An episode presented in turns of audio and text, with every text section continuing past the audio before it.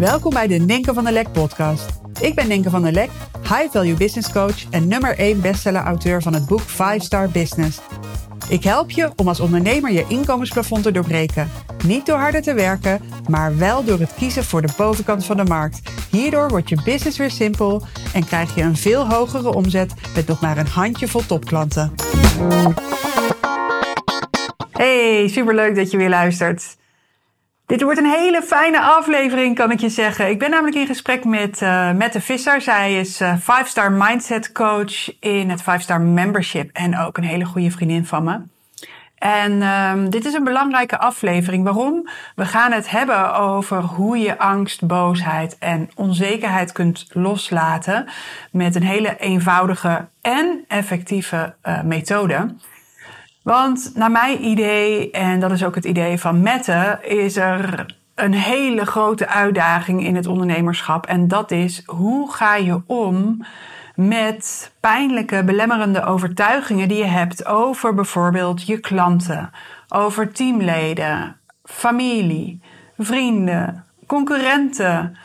Um, overtuigingen die je hebt over je resultaten. Het moet sneller, het moet beter. We hebben ze allemaal. En in deze podcast hoor je dus hoe Mette in het 5-star membership onze klanten helpt om los te komen van dit soort pijnlijke aannames die je klein en onzeker houden. En hoe je via persoonlijk leiderschap, en Mette heeft daar een hele mooie methode voor die ze gebruikt in het werk met onze klanten, hoe je de weg vrij kunt maken naar groei en overvloed. En ook hoor je hoe Mette en ik al dansend op een grasveldje in Zuid-Duitsland elkaar leerden kennen. En hoe we sindsdien elkaar wekelijks helpen om zelf ook los te komen van ruis en pijnlijke overtuigingen. Nou, een van de pijnlijke overtuigingen die opkwam um, tijdens het opnemen van deze podcast is dat de bouwlui hier iets verderop niet bezig mochten zijn met het afbreken van een steiger. dus um, tijdens ons gesprek hoorde ik getimmer en allemaal van die ijzeren buizen tegen elkaar ketsen. En daar vond ik wel wat van. Maar hey, uh, het gesprek met Mette vond ik belangrijker, heb ik door laten gaan. Maar uh, ja, ik wilde dit even noemen. Misschien uh, dat je op de achtergrond ook wat getimmer hoort. Maar hey, Life is friendly, zoals je zal ontdekken in deze podcast. Dus uh, ja, focus on the good. En dat is alle mooie inzichten en ideeën die Mette deelt over het omgaan en loslaten van angst, boosheid en onzekerheid in het ondernemerschap. Enjoy! Hey Mette, van harte welkom in de podcast. Ja, leuk dat ik hier mag zijn. Ja, ik uh, kijk ontzettend uit uh, naar ons gesprek. Het was tot al een tijdje op de planning uh, om je uit te nodigen voor de podcast. En vandaag is het zover. Dus um, ik kan me nog heel goed herinneren hoe wij elkaar ontmoeten op een grasveld in de zomer. Ja. volgens mij drie jaar geleden in Zuid-Duitsland. Kan jij je dat ook nog herinneren? Ja, zeker. Ja. Wat deden we daar op dat grasveld? Nou, ik kan me herinneren dat we aan het dansen waren. Klopt dat? Klopt. ja. ja, de deuren gingen open. We zaten natuurlijk in een grote zaal. Dus bij het moment dat het kon, doken we de deuren uit. En uh, stonden we te dansen op het grasveld. Ja. Klopt.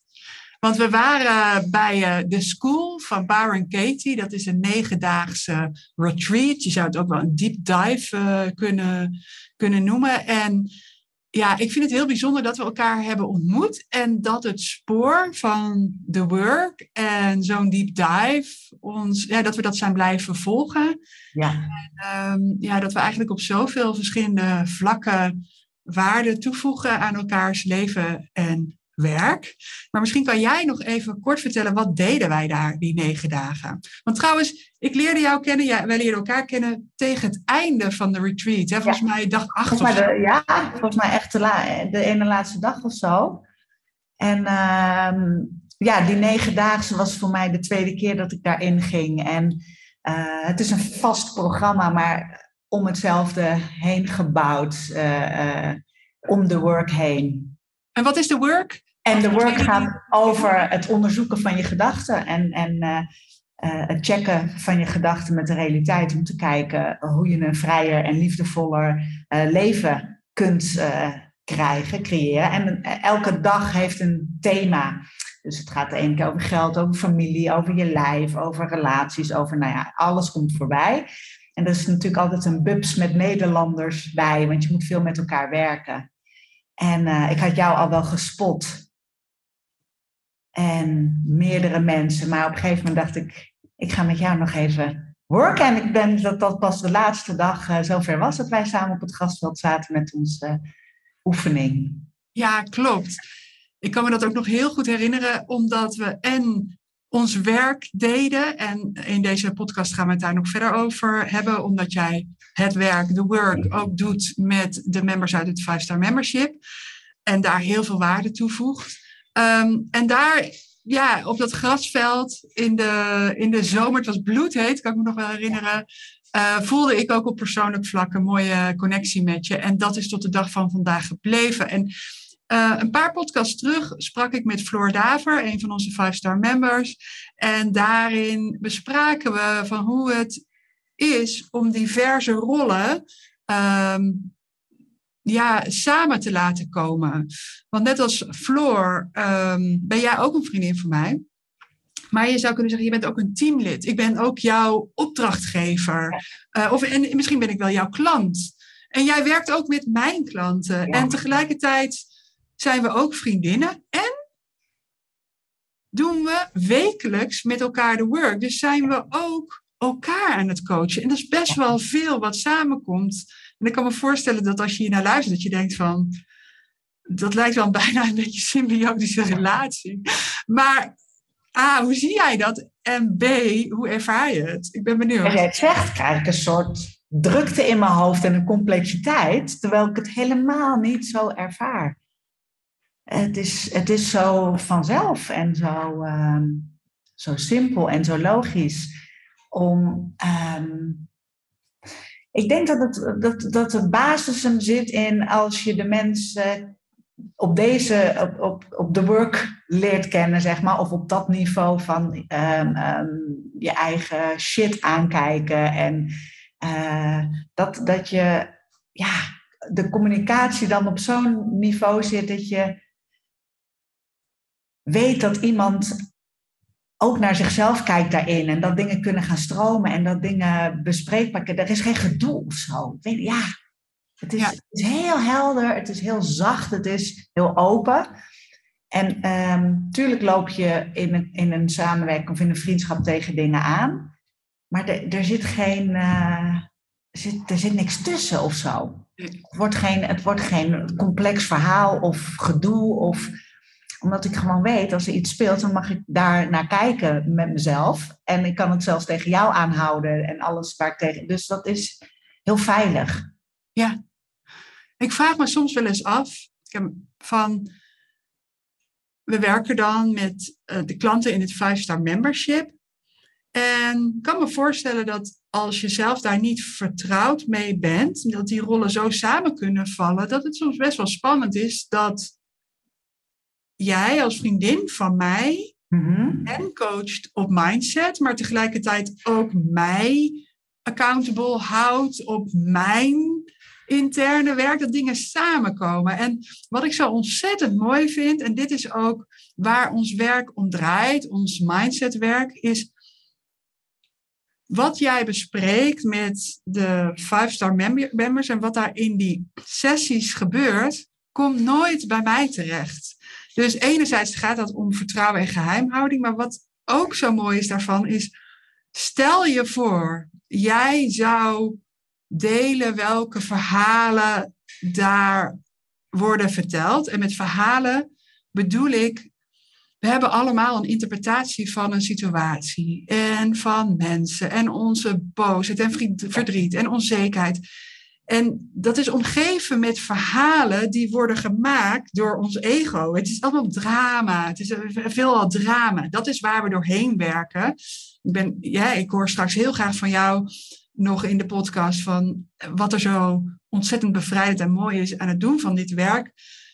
Maar stel je voor, jij zou die verhalen verzamelen en met mij delen, dan krijg ik dus eigenlijk het drama van het ego van mijn klanten op, ja, krijg ik voorgeschoten, waar ik gewoon helemaal niks mee kan. En een klant ook niet. Want het gaat er juist om dat hetgeen wat daar voorbij ligt, weet je, als we daar doorheen werken, dan krijg je ruimte en rust en inner peace en voel je zoveel verbinding met anderen.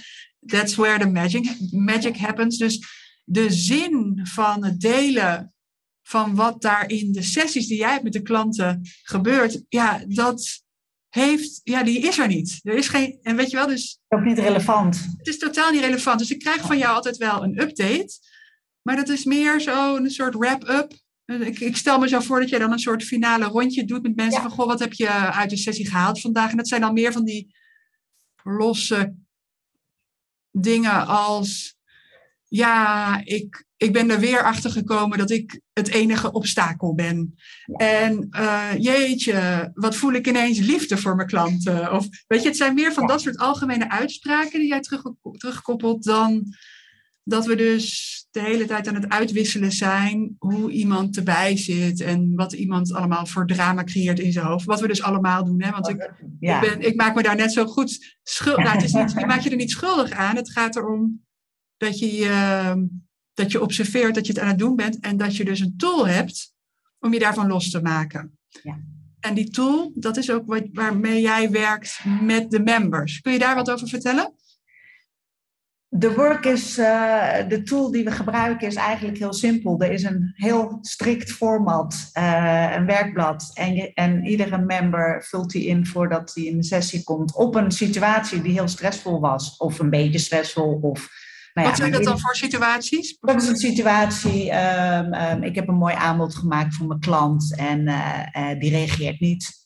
Of uh, ik heb uh, gedoe met iemand uit mijn team. Of uh, nou ja, dat kunnen allerlei. Ze zijn meestal werkgerelateerd. Soms zit er eens een keer iets privé tussen. Maar meestal gaat het echt over wat er in de business aan de hand is. Mailtjes, telefoongesprekken, waar iets gebeurt. En ik nodig ze uit om helemaal in die situatie terug te gaan van het moment dat de emotie opkwam. De irritatie of de frustratie of de onmacht of wat daar ook precies en door helemaal meditatief in die situatie terug te gaan en onder de inhoud te gaan. Het gaat niet meer over het verhaal, maar echt kijken van in welke overtuiging zat ik, in welke aanname, hoe keek ik op dat moment naar de realiteit.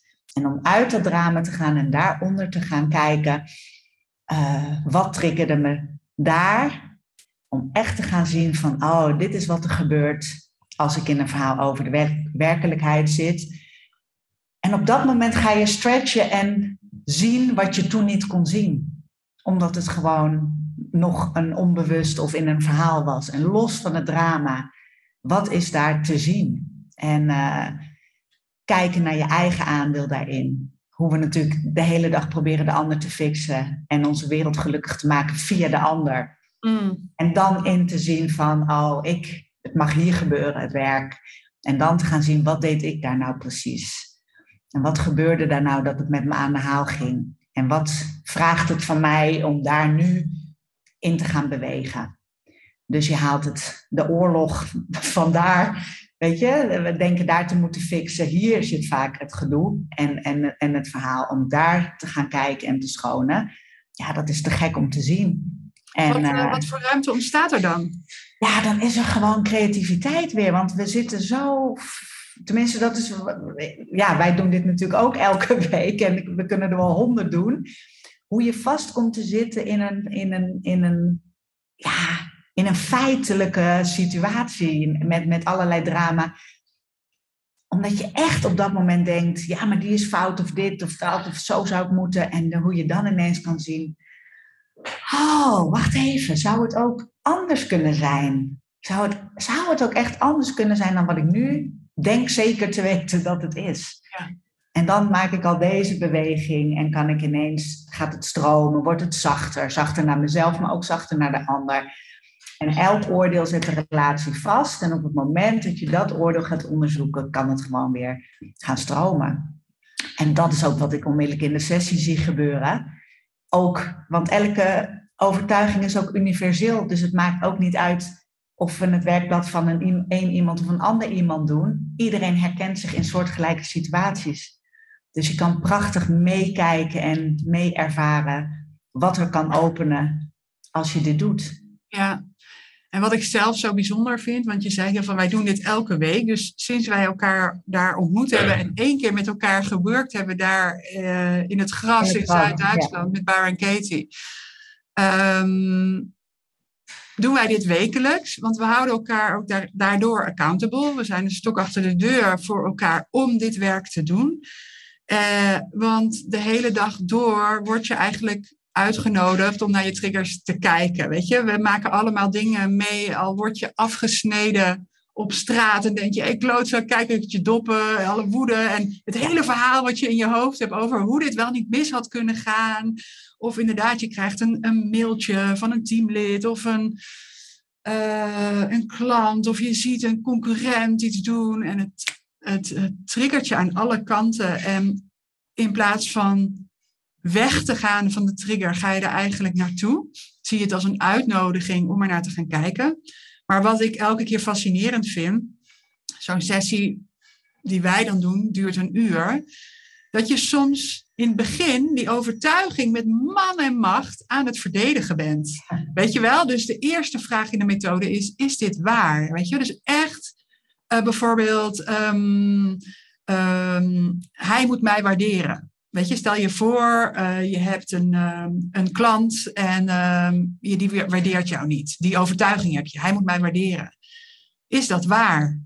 En dan, dat je dan echt zo kan voelen van, ja, dat is zo ontzettend waar. Maar doordat jij in dit geval de vragen stelt en mij uitnodigt om echt in de situatie, de situatie weer terug te halen kun je absoluut weten dat het waar is dat deze klant jou moet waarderen. En dan, wat er dan gebeurt, is dat er een heel klein schurpje komt eigenlijk in dat, dat diepe geloof. En dat je wordt uitgenodigd om net vanuit een ander perspectief eigenlijk naar de situatie te kijken. En dan, ja, Leonard Cohen zegt toch ook wel zo mooi, van there's a crack in uh, everything. And when the light comes in. Ja, ja. Dat is wat ik heel erg dan ervaar.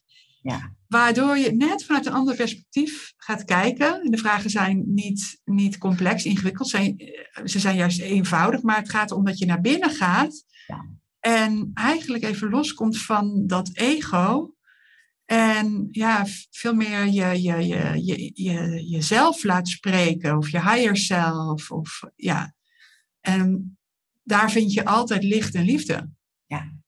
Dus waar je zo'n sessie kan beginnen met een soort wrok. En weet je, als je dit werk jaren doet, weet je, ik ben wel benieuwd trouwens hoe lang jij al wel niet uh, met de work van Baron Katie werkt. Ik werk inmiddels 18 jaar er al mee, dus dat is echt super lang.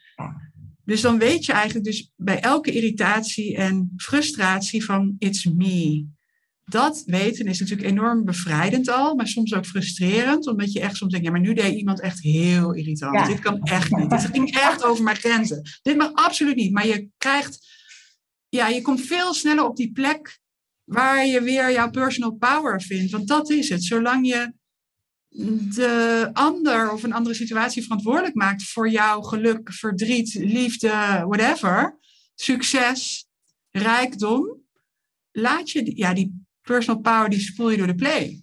Ja, ja je bent niet thuis als je, als, je, als je daar bezig bent. Dus ja, hier zit het. Hier is de kracht, hier is de liefde, hier is alles wat je kunt. Ja. En je zit gewoon niet meer daar. Ja. En nu is het zo dat we in het 5-star membership werken we natuurlijk ja, met mensen, uh, high potentials, uh, topondernemers, mensen die in hun veld een naam zijn. En ja, ik merk het ook in mijn eigen ondernemerschap. Um, hoe verder je groeit, hoe groter je verantwoordelijkheden, maar ook soms lijkt het wel eens hoe meer alleen je lijkt te mhm. staan in wat je aangaat. Dat is mijn persoonlijke ervaring. Wat, wat zie jij als grootste uitdagingen bij de members? Even niet, ik, weet je, dus niet. Uh, nee, nee, het is allemaal. Uh, ik, ik, ik denk dit, dit soort dingen, maar ze kunnen ook wel klein zijn, maar wat me vooral heel erg opvalt, en ik moet daar ook weer aan denken als jij net zegt van we doen dit werk al, weet ik veel, 15 jaar plus. dat wij ook nog steeds A, weerstand hebben om die shit op papier te zetten. Omdat je er soms gewoon lekker in wil blijven hangen. je wil soms in je drama blijven. Ah, dat we dat willen. Maar dat we ook soms denken met een werkblad, met een situatie. Ja, maar deze? Nee, die kunnen we echt niet.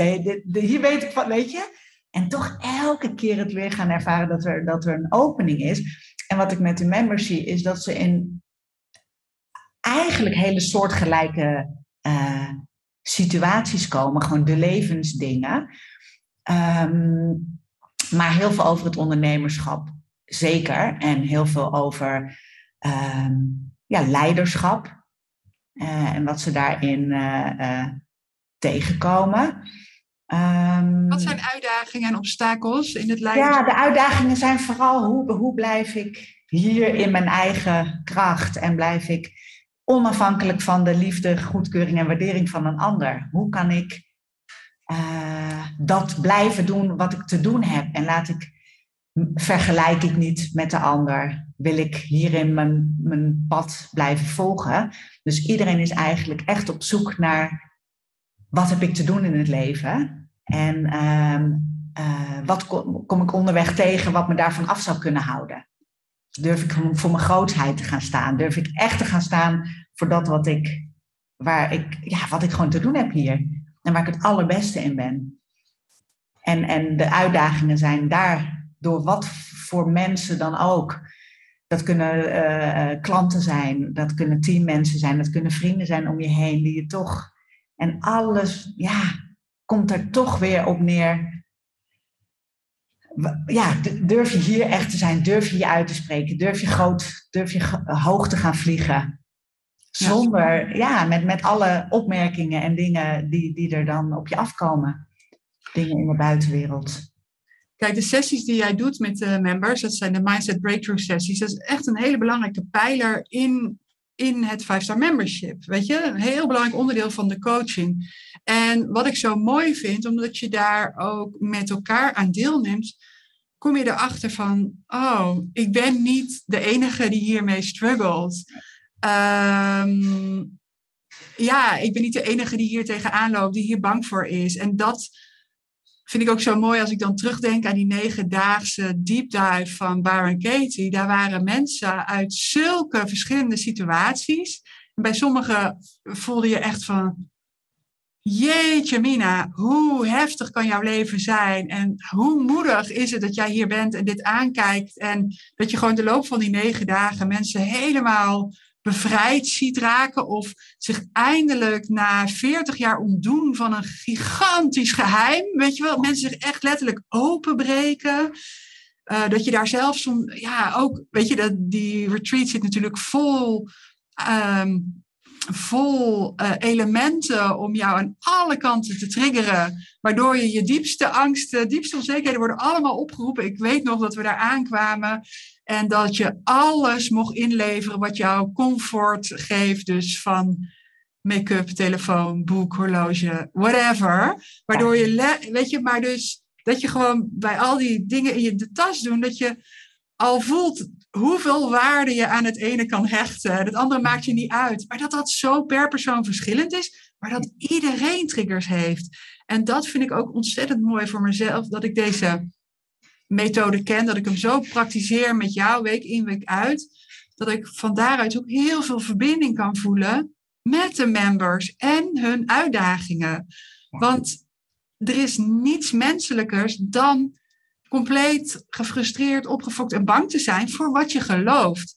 Alleen het mooie is dat ik daar voorbij kan kijken. Het mooie is dat jij de members helpt om daar voorbij te kijken. Want Byron Katie zegt altijd zo mooi: life is friendly. Ja. Life is friendly. En dat is het. Ja, dus, je zonder je verhaal. En, ja. ja. Want wie zijn we zonder ons verhaal, Mette? liefde, niks. Het is een en al plezier, een en al vreugde. En uh, het is zo mooi om te onderzoeken wat uh, gehechtheid aan iets met je doet. Gehechtheid aan spullen, rituelen, verhalen, gehechtheid aan een identiteit. Ik ben die of die. En als alles wegvalt, dan ben je. En dan, is, dan heb je een ja. En ja tegen alles. Zonder drama. En ja, dan is het, wordt het natuurlijk fantastisch. Dan komt het plezier, de creativiteit. Ja. Hoe is de work op jouw pad gekomen? Via mijn moeder, die was al uh, jaren honderden jaren. Nee, die, die, ik weet eigenlijk niet eens hoe zij op, op haar pad is gekomen. Zij heeft ooit tegen mij gezegd: Als je behoefte hebt, dan uh, is dat een cadeau um, van mij aan jou. Uh, dat heeft ze alle drie haar kinderen aangeboden om te gaan doen. Zo van als je er klaar voor bent, dan mag je naar de school, die negen dagen. Omdat, en ik heb destijds ook gezien hoe zij terugkwam van die negen dagen. Ja, vertel eens, wat was voor jou het verschil? Ja, wat, wat, er, wat, wat ik daar toen zo prachtig aan vond, was dat ze een veel, um, veel zachter, veel opener. En uh, ja, de, de, de strakheid gaat er een beetje af. De, de, het, willen controleren, weet je, de pap, pap, pap, pap, pap. En het is ineens een soort. En veel onafhankelijker ook uh, van ons en van het leven, van, van, van die gehechtheid aan. Uh, dus dat was heel mooi. Dus het had altijd al wel een zaadje geplant. En ik zat toen in een hele drukke baan. Um, vloog de hele wereld over, ontwierp collecties, was ook manager van grote teams die ik aanstuurde. Toen kreeg ik ook nog eens twee kleine, of twee kinderen. En toen de jongste, ik denk, ik denk dat ze een anderhalf was of zo. Nou, toen had ik een soort het idee, nu kan ik geen, die ballen niet meer in de lucht houden. Ik kan niet en de beste manager zijn, en de, uh, de leukste vrouw, en de beste moeder, en de beste dochter, en alles. Het ging gewoon niet meer. Ik was zo bezig om alles goed te doen. En toen ben ik gegaan en ja, dat was voor mij echt life-changing, omdat ik altijd gedacht had of ervaren, dacht, dacht te ervaren dat de stress die ik had, kwam gewoon door de gebeurtenissen in de buitenwereld. Dat kwam en omdat ik een drukke baan had en dit en dit. En daar zag ik, het maakt helemaal niet uit. Alle stress die jij ervaart, is, oh, ja, komt door de verhalen die je over het leven hebt, de verwachtingen die je eraan uh, aan stelt. Ga daar maar eens naar kijken. En toen ik me daar bewust van werd, ja, toen gingen dingen echt flippen. Werd ik echt een betere manager, werd ik een veel leukere vrouw en een leukere moeder, veel meer ontspannen. natuurlijk heb ik echt mijn, mijn momenten wel, uh, maar daar is echt iets, iets fundamenteels geshift. In uh, de realisatie dat hoe ik naar de wereld kijk, alles alles bepalend is voor hoe ik me voel. Ja. En door een tool te krijgen om dat te onderzoeken, ja, dat was, is, me, is mega fantastisch natuurlijk. Ja, wauw, wat een cadeau. Trouwens, ik bedenk me ineens, we hadden het net over al die verschillende rollen die samenkomen, dat ik er laatst eens achter kwam dat jouw moeder, ja. jouw moeder ook zag bij die negen dagen. Ze dacht even, hmm, ze komt me bekend voor. Nog een rol is dat ik laatst met mijn moeder ja. bij de workshop ben geweest die jij met jouw moeder organiseerde, de moeder-dochter-workshop. Toen zag ik je moeder weer en toen raakte ik aan de praat. En toen bleek dat ik de coachingsopleiding die ik heb gedaan, inmiddels 13, 14 jaar geleden, van de Work for Byron Katie, dat jouw moeder daar ook in die groep zat. Dus maandenlang heb ik met je moeder in zo'nzelfde groep gezeten. Ja. dus het is heel bijzonder hoe het allemaal samenkomt. Um, maar die moeder-dochter-workshop, um, nu ik het er toch even over heb gehad, want dat is ook zoiets zo ontzettend bijzonders en dierbaars geweest. Ik denk dat ja, de relatie met onze ouders, voor heel veel mensen lijkt die vanzelfsprekend. Weet je, uh, er zijn ook, luisteren nu ook mensen die hun ouders zijn verloren of uit het oog zijn geraakt. Dus daar, daar realiseer ik me heel erg goed wat voor een um, luxe het eigenlijk is om met je moeder of met je dochter naar die workshop van jullie te kunnen gaan. Ik ben, um, ja, toen ik hoorde dat jij met je moeder zo'n workshop organiseerde, voelde ik eerst een beetje zo diep van binnen een ja. steekje van jaloezie. Van, oh, ik wou, dat ik, durf, ik wou dat ik met mijn moeder daarheen durfde te gaan. En toen heb ik die eerste ronde aan me voorbij laten gaan. Wow. En de tweede ronde had ik daar even wat meer work op gedaan. ik werd vrijgemaakt van allerlei belemmerende overtuigingen. Ja. Er waren er geen beren op de weg meer, maar dat ik me echt zo realiseerde van, ja, de relatie met mijn moeder is me zo dierbaar. Uh, we hebben geen problema problematische relatie. We hebben wel een relatie die onder druk heeft gestaan door allerlei dingen die in ons privéleven zijn gebeurd. En die waarvan ik voel aan alles, die kan meer verdieping gebruiken. Of in die zin, het zou fantastisch zijn als we de, de relatie zouden verstevigen. Dus in plaats van er mankeert wat, meer van wauw, we gaan in deze relatie investeren omdat het zo uniek is. Je hebt maar één, één zo'n band met je biologische moeder, die is niet voor eeuwig. Ehm, ja, mijn moeder is 75, dat weten we allebei. En ehm, ook daar hebben we dingen aangekeken. Het was verre van therapeutisch of zwaar. Maar toch kijk je dingen aan, net zoals bij de work, op een zachte manier, liefdevolle manier, waardoor er zoveel ruimte komt. Dus ook daar heb ik ervaren van door dingen anders te zien en anders te horen, hoeveel ruimte er ontstaat. Daar hoeft die ander niet eens voor te veranderen. Weet je, dus dat is echt magisch. Volgens mij vind je het ware geluk als je bereid bent iets nieuws te zien. Ja. Ja. En iets nieuws zien, daar hoeft niets of niemand voor te veranderen. Nee. Ja. En het mooie is, met elkaar meekijken is daar ook zo mooi in. Dat als wij de work met elkaar doen, of met wie dan ook, hoe anderen je kunnen helpen, nog in het perspectief onderzoeken. Soms kun je het zelf echt even ook niet zien. En open je en iemand anders kan eens met je meekijken. En, en daarin die ontdekkingstocht ingaan is inderdaad zo niet therapeutisch, maar het, ja, hoe vaak liggen we ook niet dubbel, weet je? Het, het kan zomaar lijken alsof het een heel zwaar proces is, maar je eigen dingen zien, dat je ook echt denkt, seriously? Ja. Het, het is zo'n, het is zo'n, zo'n, het, het kan echt openen dan. Het is ook zo grappig af en toe, hoe je in je eigen mindfuck zit, of hoe je ja. ja. maar hoe vaak wij ook niet, als we daaraan beginnen, dat degene die het werkblad heeft geschreven zo heel ernstig begint.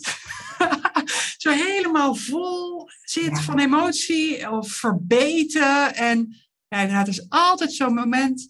Hè, want misschien kan je even de vragen doornemen, waar, die we eigenlijk dan zo in een uur tijd behandelen. Dus je hebt dus zo'n overtuiging, nou wat ik net zei, hij moet mij waarderen. Hij, moet, mij, waarderen, ja. ja. Dus wat zouden dan de vragen zijn? En dan kunnen we dus ook eens even kijken van wat is het moment waarop je dus een nieuw perspectief kan zien. Ja, dus, dus stel, stel um, je overtuiging is, uh, hij waardeert me niet. En je bent er echt van overtuigd, ik heb er alles aan gedaan, hij waardeert me niet, dit is wat ik geloof. Nou, dan is de eerste vraag, is het echt waar? Dat hij je niet waardeert? Ja, dus dan zit ik nog helemaal in mijn geloof. Helemaal. helemaal ja. ja. soms zeggen, dat ken jij ook, hè, dat ik soms echt ook helemaal uh, vol ben ergens van. En ja. ja. zo overtuigd kan zijn van dit is zo. Maar zo zie je ook hoe, uh, ja, hoeveel kracht het ego heeft om jou iets te blijven geloven. Het, het ego creëert drama. En als je dat ook niet ziet, doorziet, dan heb je het best wel zwaar in het dagelijks leven. Hè? Weet je? Maar je krijgt alleen maar bevestiging van de self-fulfilling prophecy dat je gelijk hebt met je gedachten. Ja. Dat het echt waar is dat hij je niet waardeert. Je kunt ook niet eens meer anders zien op dat moment dan dat hij je niet waardeert. Nee, want toen ook niet. Dus bij de tweede vraag kun je het absoluut weten. En dan ga je kijken, oké, als jij gelooft dat hij je niet waardeert, wat doe je dan? Hoe reageer je? Wat gebeurt er? En dan helemaal gaan kijken in die situatie. Ja, als ik denk dat hij me niet waardeert, dan ga ik uit verbinding. Dan keur ik hem af. Ga ik met, ga ik met mijn partner over hem roddelen. Ga ik, nou ja, al die dingen, de verhalen komen voorbij van al die eerdere keren dat hij je niet heeft gewaardeerd. In de toekomst ga je natuurlijk zien, nou, als hij me niet waardeert, dan hoef ik ook niet meer met hem te werken. Of dan hoef ik hem, nou, dus je gaat helemaal kijken van wat, wat is de impact op dat moment in jouw hele systeem. Ja, en dat vind ik altijd wel ook confronterend. Dat je ziet hoe eigenlijk als een soort gif zo'n zo'n overtuiging helemaal kan doorwerken in zoveel facetten van je, van je leven en je, je vertrouwen in de toekomst, je vertrouwen in andere mensen. En het is dan maar één Dus één klein dingetje. Eén gedachte die je stress geeft, die jij hebt toevertrouwd aan het papier. Maar dan kom je er dus achter hoeveel tijd, hoeveel energie, hoeveel joy het je kost om het te blijven geloven. Ja. Dus dat is hoe lang je al vaak met zoiets loopt. Hè? Sommige dingen spelen al jaren en ik blijven maar terugkomen. Ja, of je komt, er, je komt erachter dat het eigenlijk helemaal niet gaat om deze situatie, maar bij wijze van spreken een, een leraar in de tweede klas van de lagere school ja. Deed iets waardoor jij geloofde, hij waardeert mij niet. En dat, dat verhaal, dat je dat nog steeds op Jan en Alleman projecteert. Ja, en die blijft voorbij komen. En jarenlang pijnig je jezelf met diezelfde... Als een vis in een vissenkom, ja. laat je elke keer diezelfde pijnlijke overtuigingen recyclen. Maar goed, dat is dus vraag drie. Wie, zou, hè, wie ben je? Hoe gedraag je je? Wat doe je? Als jij in deze tunnel van de gedachten zit, wat gebeurt er allemaal? En dan wordt het lastig vaak want dan gaan we echt kijken uit het drama daaronder. Wat zou nou, hoe zit je erbij? Wie zou je zijn als je deze gedachten niet had? Ja. Dus in dezelfde situatie komt het niet in je op dat hij je niet waardeert. Dat gebeurt gewoon niet. Dat is niet iets wat in je opkomt. Ja, en wat ik dan zo dan, vind... Ja, ja, want dan, dan blijft er eigenlijk niks over. Dus waar je bij die derde vraag van hoe reageer je als je deze gedachte gelooft, dan kan je blijven praten, kan er echt brei uit je blijven komen met en dit en dat. En dan kom je er dus ook achter, als je belemmerde overtuiging gelooft, hoeveel je er wel niet bij haalt. Ja. Dan vraag vier is, wie zou je zijn zonder de gedachte? Hè? Als je de gedachte helemaal niet zou hebben of kennen, uh, ja, dan zou ik nu de telefoon pakken en hem even bellen om te vragen van hoe zullen we doorgaan. Weet je, er, er, alles valt weg. Alles valt weg. En, er is geen verhaal meer. Er is niks anders dan hier, het nu. En kijken, oh, als, hij me, als het niet een verhaal, als het helemaal niet waar is dat hij me niet waardeert, nou, dan bel ik hem toch gewoon even op. Of ik doe niks. Of, maar in ieder geval, ja, het valt weg. Het hele. En dan ga je hem omkeren. Kun je ook zien, en dat is leuk in die situatie, als je echt gelooft, hij waardeert me niet, hij waardeert me wel. Zou dat ook waar kunnen zijn? Om echt dat starre ego die gewoon de boventoon wil voeren te laten zien. Het kan ook echt omgekeerd zijn. Ga maar eens voorbeelden noemen. Ja, dat is dus echt een uitnodiging om vanuit nog meer perspectieven naar de situatie te gaan kijken. En soms is dat heel erg lastig, kan je het helemaal niet zien. En soms, ja, dat je uit jezelf het al ziet, maar ook als wij de work doen, dan help jij mij soms ook van, hé, hey, ik zie ook nog iets. Dat is dan voor mij, huh? Wat ik zelf helemaal niet zie. Eh, bijvoorbeeld dat je zegt van, ja, want hij heeft jou wat je me een keertje vertelde, is dat hij jou ook nog een keer een compliment had gegeven over dit of dat. Dus ja. dat was een situatie waarin hij je wel waardeerde. Of ja, hij zit al zo lang in je team. Of uh, hij is keer op keer blijft hij bij je kopen. Dus het lijkt erop alsof hij je wel waardeert. Maar dat zijn van die dingen, dat kunnen dan echt blinde vlekken zijn. En waar je elkaar dan kan helpen om iets nieuws te zien. Het betekent niet dat we per se dat nieuwe geloof Weet je, er zit geen pushje bij van dat moet je dan nu geloven. Maar het gaat erom door het gezien te hebben dat jij gewoon ruimte voelt. Ademruimte, bewegingsruimte, ruimte om te ontspannen. En dat is gewoon super mooi. Ja. En wat ik vaak merk is dat mensen die een beetje het beetje thuis zijn in de work, die denken van, oh ja, is het waar en hup omkeren. Dan wordt een shortcut, ja. Ja, dat het een shortcut is van de work. En wat, wat heb je daarover te zeggen? Van mensen die denken, oh ja, nou, die work, dat met dat stomme omkeren. Hop, omkeren, hij waardeert me niet, hij waardeert me wel. Oké, okay, doei en door. Ja. Nee, dan wordt het een soort tool en dan wordt het eigenlijk een soort um, uh, het goed praten voelt voor mij een beetje. Hè? Van uh, uh, we, we, we denken hem om naar iets positiefs.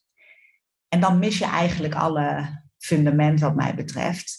Omdat jij, ja, je kunt van al, hij, hij het, het, het moet echt eventjes, het is pure meditatie.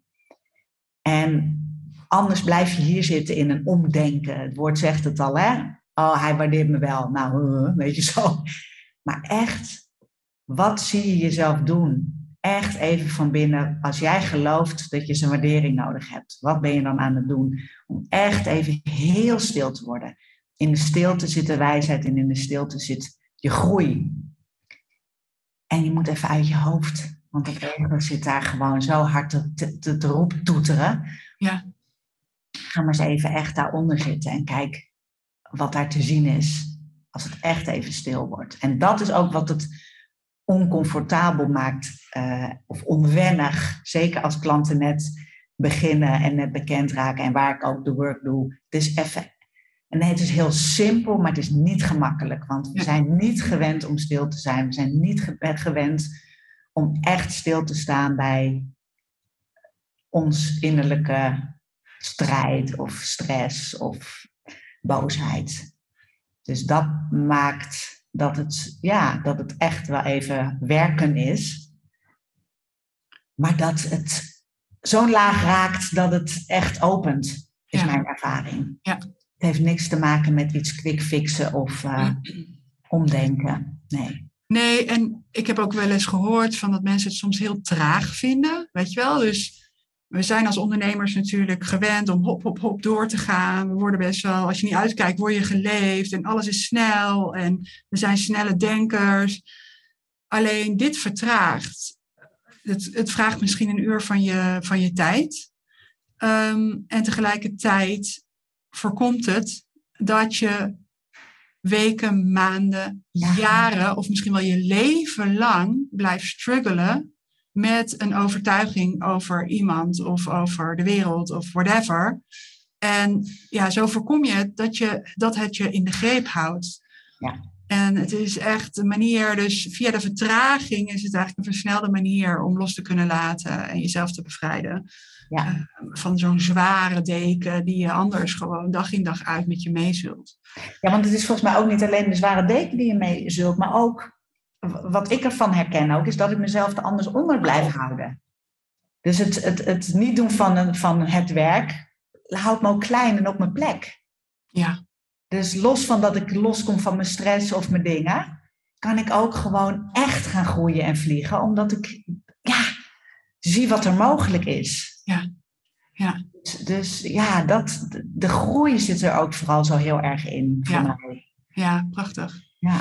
Hey, maar ja, dus vertragen, werkblad invullen en er uur mee bezig zijn. En dan ook nog hopen dat je in het Five Membership zit, zodat je het van je, dat jij het met je, met, uh, dat jij het doet uh, en de vragen stelt. Maar we kennen denk ik ook allemaal de situatie dat we in een contact met iemand gaan zwabberen doordat we getriggerd raken.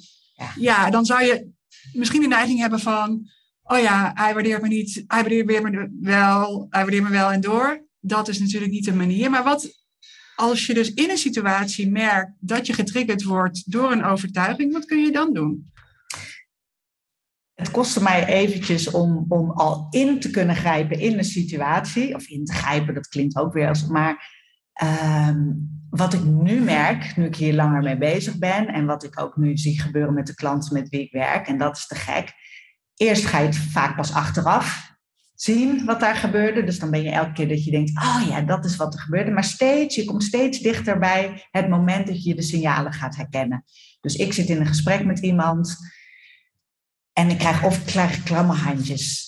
Of ik ga naar voren zitten. Of ik ga ineens harder praten. Of ik ga dingen herhalen. Nou ja, wat ook. Ik herken nu alle signalen bij, bij mezelf. Want dat is het mooiste mechanisme we voelen iets, ongemak, pijn in mijn buik, whatever.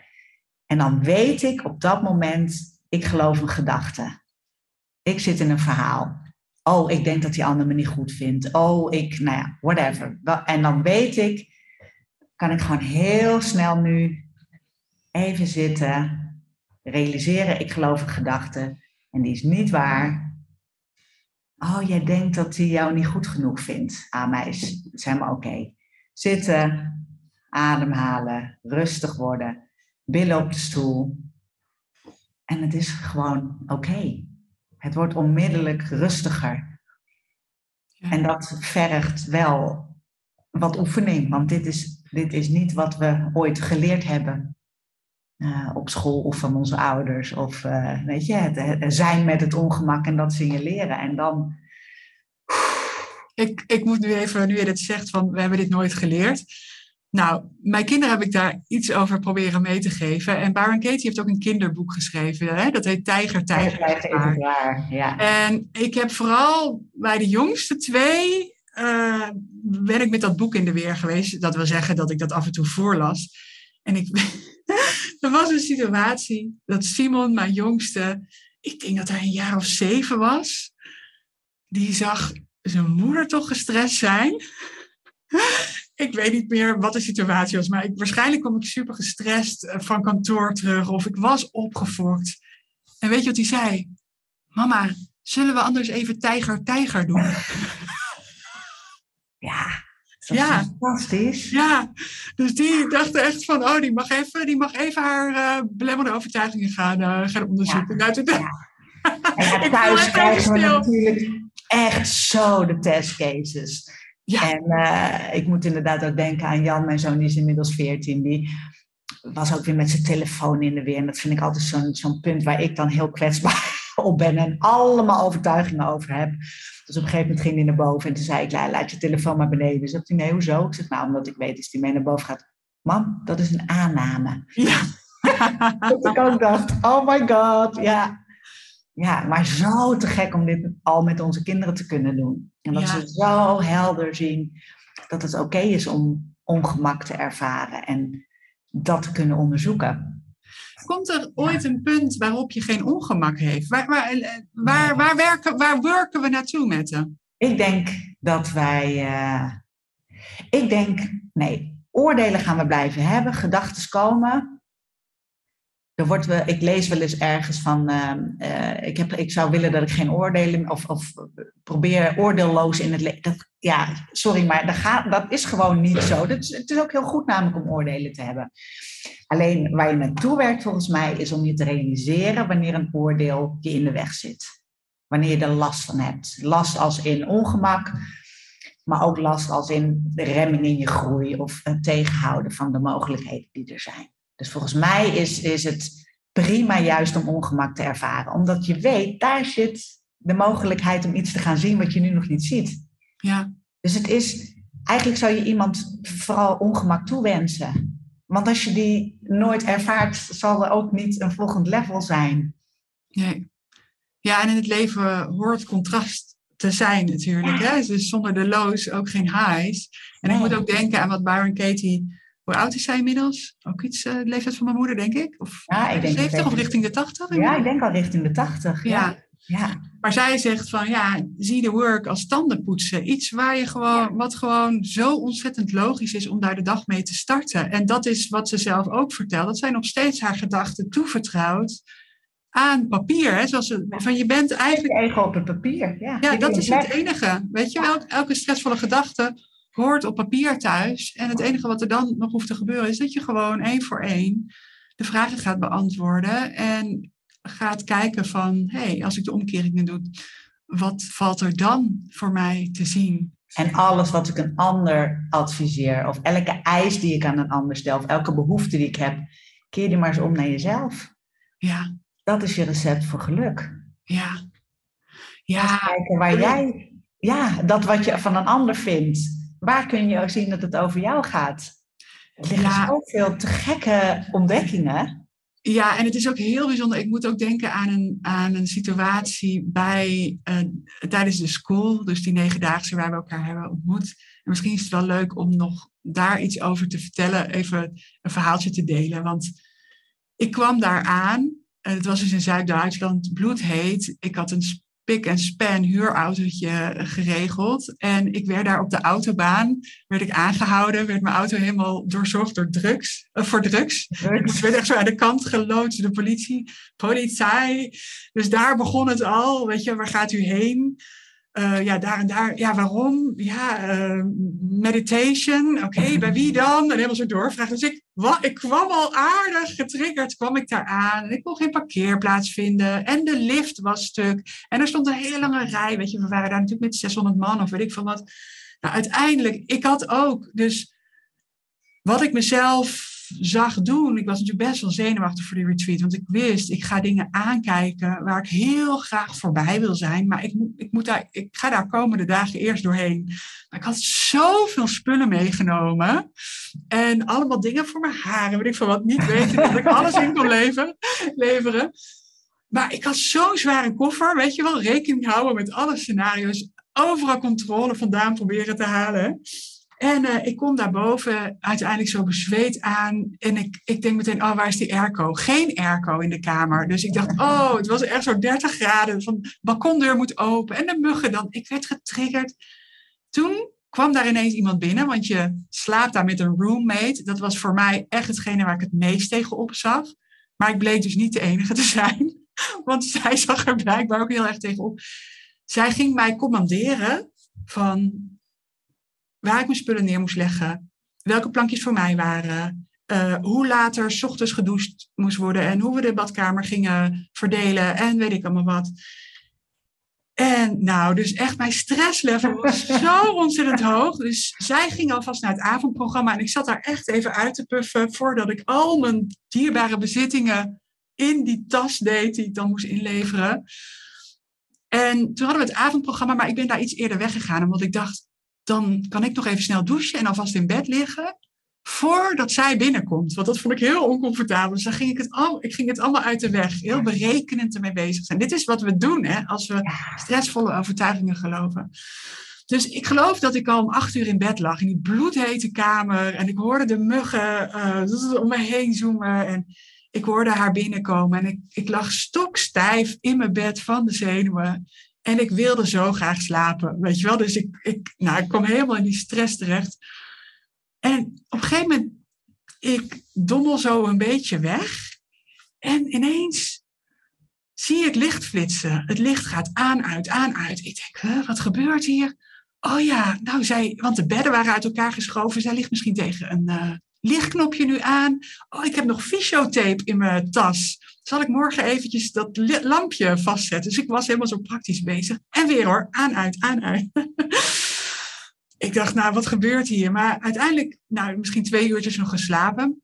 En ik sta op en ik kom zo beneden in die ruimte en ik zie haar met een gezicht alsof ze al een maand niet geslapen heeft.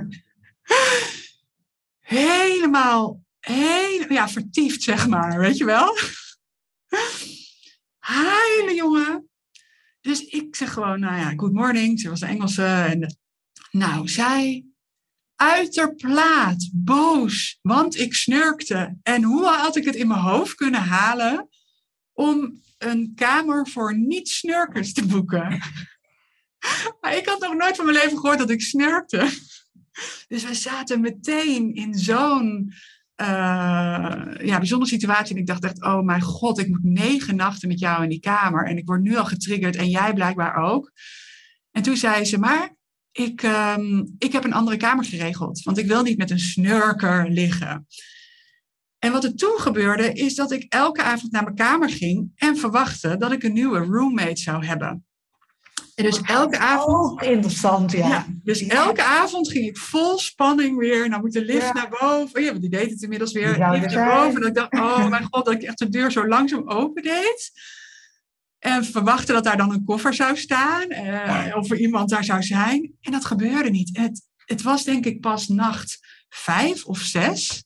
Dat ik kon ontspannen in het idee dat ik na die eerste horrornacht een kamer voor mezelf had verdiend.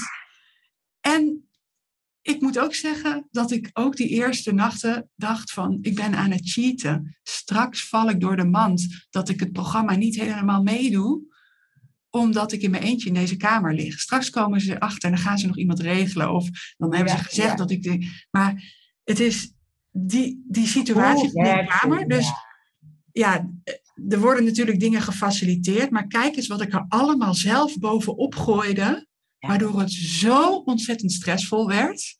Ja. En omdat we natuurlijk daar bij die school aan de slag gaan met alles wat zich aandient. Weet je, je bent de hele dag de work aan het doen met allerlei verschillende werkvormen. Uh, kon ik daar doorheen werken. Uh, en het mooie is dat er zo'n moment kwam dat je nog samen met je roommate. Ja, want die wilde gaan vragen. Ja. Dus ik heb ook in datzelfde gras met haar gezeten. Ja. En we hadden de work op elkaar gedaan. En dat is dan echt recht voor zijn raap. Ja, gewoon wat je werkelijk gelooft over die ander. En dat je dus die ander de vraag stelt: vertel maar, weet je, ehm, wie ben je als je gelooft dat ik uh, jou, ehm, dat ik heb gelogen? Want dat was volgens mij haar, haar overtuiging over mij. Over je snurken, ja. Over mijn snurken, dat ik daarover had gelogen. En toen bleek ook van, het was echt zo grappig om te horen wat voor drama zij in haar hoofd had gecreëerd en waar ze al de hele week mee liep over mij. Dat ik een of andere Bridget Jones was die nooit aan een man zou komen. Dat was haar beeld. Dat was echt zo ontzettend grappig. Ja. Maar ik vond het zo'n leerzaam moment dat je ook echt zegt van, kom maar, vertel maar wat je dwars zit zonder dat te willen veranderen. En dat je dus ook hoort van, uh, kijk, en dat is in je werk soms ook, dat je gewoon zegt van, goh, vertel, hoe trigger ik je dan? Of waar heb ik je het gevoel gegeven dat je niet bij me terecht kan? Of weet je, en dat, je, dat is ook wat ik bij, daar heb geleerd. Om, om oké te zijn met de verhalen die een ander over, je heeft. Zonder te willen verdedigen. Zonder ervan weg te willen. Ja. En juist in verbinding te komen, te blijven. En samen te kijken naar, ja, what's next? Ja. En daar ligt de magic. Ja. Voorbij al dat drama, al die verhalen en verwijten.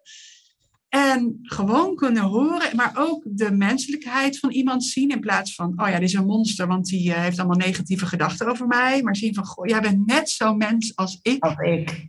En gooi, um, ja, loop maar even leeg. Wat, wat, wat, wat heb ik in jouw ogen allemaal verkeerd gedaan? En dat het even allemaal mag zijn. En dat je zegt, alright. En wat zullen we dan nu afspreken? En dan weer terug in het nu. Daar is zoveel te ontdekken. En weer zoveel diepgang in een samenwerking of een vriendschap of een familierelatie uh, te bereiken. Dat is echt, uh, ja, vind ik ontzettend bijzonder om. En is me ook heel dierbaar dat ik dat heb uh, mogen ontdekken. Ja. Ja. En het grappige is ook, de vijfde verdieping. Jij bleek ik ben tegenover jou te zitten. Tegenover mij te zitten. In een gigantisch hotel Ja. tegenover mij te zitten. Ja. Dus uh, nou, dat voelde een beetje als full circle. Uh, full circle toen we. Ja. op de laatste avond uh, de lift samen naar boven namen. Dus super mooi. Dus ja, ik ben ook even om weer terug te komen naar al die rollen die samenkomen. Het is zo fantastisch om je eigen werk te doen waardoor je op een hele vrije manier in contact kan staan, met andere mensen en met elkaar tot ja, hele mooie samenwerkingen kan komen en elkaars leven echt kan verrijken. Dus ja, ben ik heel dierbaar, is me heel dierbaar, ben ik heel dankbaar om. Dus dank je wel voor het prachtige werk wat jij doet met members. En ik weet, ja, er zijn al members die jou hebben uitgenodigd voor hun team, die één op één nu ook met jou aan het werk zijn. En ja, dat doet me zo goed, omdat ik weet dat door dit werk niet alleen de, de weg wordt vrijgemaakt naar groei en ease in hun business, maar ook hun persoonlijk leven zo wordt, in positieve zin wordt beïnvloed. En de liefde gaat stromen en de verbinding veel meer verdieping gaat krijgen. En denk ik, wauw, we maken echt impact met elkaar. Dus dat is echt heel erg mooi. Dank je wel daarvoor. Nou, dankjewel dat wij daar begonnen op dat grasveld samen in Duitsland. dat is maar goed. verder. Ja, Ja. Hey, thanks. dankjewel.